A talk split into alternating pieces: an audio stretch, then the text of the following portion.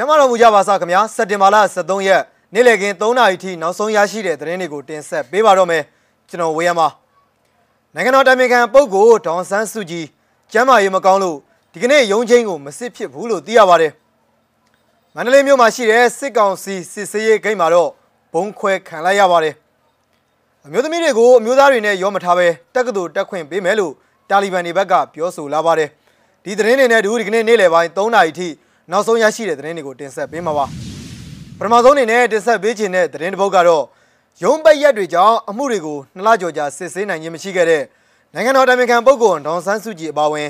သမရဦးဝင်းမြင့်နဲ့နေပြည်တော်ကောင်စီဥက္ကဋ္ဌဒေါက်တာမျိုးအောင်တို့ကိုဆွဲဆိုခံထားရတဲ့အမှုတွေကိုဒီကနေ့စက်တင်ဘာလ23ရက်နေ့မှာပြန်လည်စစ်ဆေးဖို့ရှိနေတာပါ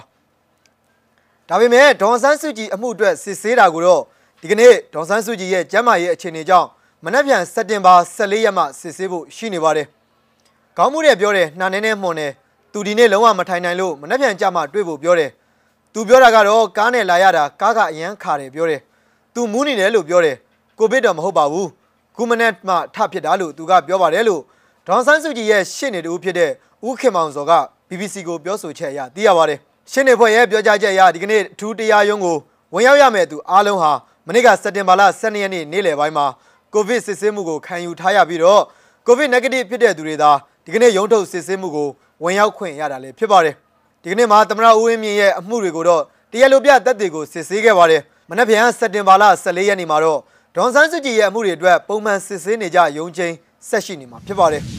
နောက်ထပ်တင်ဆက်ပေးခြင်းတဲ့သတင်းတစ်ပုဒ်ကတော့မန္တလေးတိုင်းဒေသကြီးအောင်မြေတာဆန်မြို့မှာရှိတဲ့နန်းရှိစကိုလန်မြို့ပတ်လန်းဒီမှာရှိတဲ့စစ်ကောင်စီရဲ့စစ်ဆေးရေးဂိတ်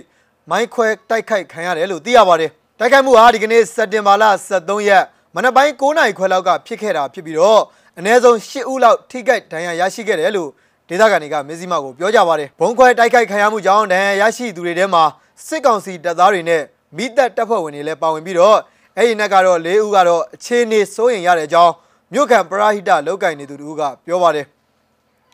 မိသက်လည်းပါတယ်စစ်ကောင်စီတပ်သားလည်းပါတယ်၈ယောက်လောက်တော့လောလောဆယ်ဒဏ်ရာရတယ်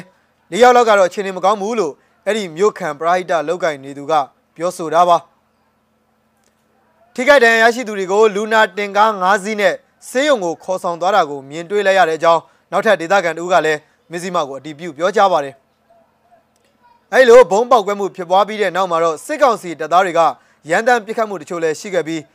လက်တလုံးမှာတော့ဘုံကွဲမှုဖြစ်ပေါ်တဲ့နန်းရှိ16လမ်းကိုပိတ်ဆို့ပြီးတော့စစ်ကောင်စီတပ်သားတွေကမိုင်းရှင်းလင်းရေးဆောင်ရွက်နေတယ်လို့ ဒေသခံတွေကပြောဆိုကြပါတယ်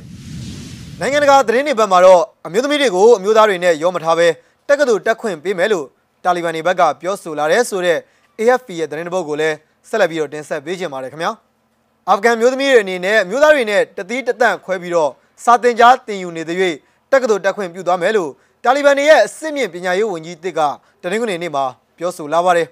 ။တာလီဘန်တွေရဲ့1996ကနေ2000ခုနှစ်အထိအုပ်ချုပ်ချိန်ကာလမှာ အာဖဂန်နစ္စတန်နိုင်ငံကအမျိုးသမီးတွေရဲ့အခွင့်အရေးဟာတိတိတသာဆုပ်ယုပ်ခဲ့ရတာဖြစ်ပါတယ်။ဒါပေမဲ့ပြီးခဲ့တဲ့လမှာအာဏာပြန်လည်ရယူနိုင်ခဲ့တဲ့သဘောထားတင်းမာတဲ့အစ္စလာမစ်တာလီဘန်တွေကပုံမှုပျော့ပြောင်းတဲ့အုပ်ချုပ်ရေးကိုအကောင့်ထဲပေါ်သွားမယ်လို့ကတိပြုခဲ့ပါတယ်။နိုင်ငံရဲ့ပညာရေးနဲ့ပတ်သက်လို့အစိုးရတည်ရဲ့အစီအစဉ်တွေနဲ့ပတ်သက်ပြီးသတင်းတော်တွေကိုပြောဆိုရမှာဝန်ကြီးအဗ်ဒူဘာဂီဟာကာနီကအမျိုးသားနဲ့အမျိုးသမီးတွေတန်းနဲ့အတူစာသင်ကြားမှုကိုအဆုံးသတ်တဲ့အကြောင်းကို ခက်မှန်မှာပဲပြောဆိုလာပါတယ်ဒီလိုအတူရောနောပညာသင်ကြားတဲ့စနစ်အဆုံးသတ်တာမှာကျွန်တော်တို့အတွက်ပြဿနာတွေဘာမှမရှိပါဘူးပြည်သူတွေဟာမွတ်စလင်တွေပဲဖြစ်တယ်ဒါကိုလက်ခံကြရမှာဖြစ်တယ်လို့သူကပြောဆိုပါတယ်အမျိုးသမီးအနေနဲ့မွတ်စလင်ဝိယုံကိုဝစ်ဆင်ပြီးမျက်နှာဖုံးခြုံထဲဖုံးလွှမ်းရင်းနဲ့တက္ကသိုလ်တွေမှာဆက်လက်ပညာသင်ကြားနိုင်မှာပါဆိုပြီးတာလီဘန်တွေဟာခုလအစောပိုင်းမှာပြောထားဘူးပါတယ်ဒီလိုသင်ကြားရမှာအတန်းတွေကိုလိန်အရမျိုးသားအတန်းအမျိုးသမီးအတန်းဆိုပြီး ခွဲခြားတင် जा ရမှာဖြစ်သလိုအတန်းခွဲဖို့ဖြစ်တဲ့အခြေအနေမျိုးဆိုရင်လည်းလိုက်ကခြားထားပြီးတော့တင် जा ရမယ်လို့ဆိုပါတယ်ဒီနေ့နောက်ဆုံးသတင်းတစ်ပုဒ်အနေနဲ့ရွှေဘိုမြို့နယ်တဲကစစ်အာဏာရှင်စန့်ကျင်ဖြုတ်ချရေးတပိတ်စစ်ကြောင်းနဲ့ကြာဆုံးခဲ့တဲ့အာဇာနည်တွေကိုအလေးပြုတဲ့ရုပ်တံကိုလည်းနားဆင်ကြရအောင်ပါ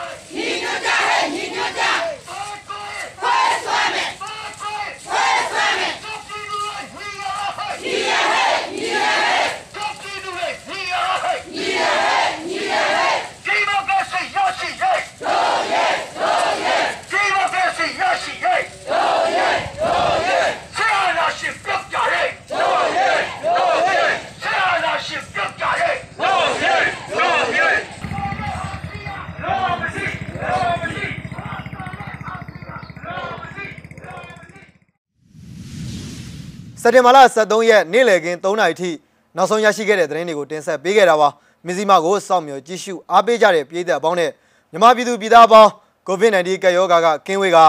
ဆီယနာရှင်စနစ်အောက်ကအမြန်ဆုံးလွတ်မြောက်ကြပါစေလို့စွတ်မွန်ကောင်းတောင်းလိုက်ရပါတယ်ထူးခြားတဲ့သတင်းတွေနဲ့အတူကျွန်တော်တို့နောက်ရက်ဒီမှာပြန်လည်ဆုံတွေ့ကြပါမယ်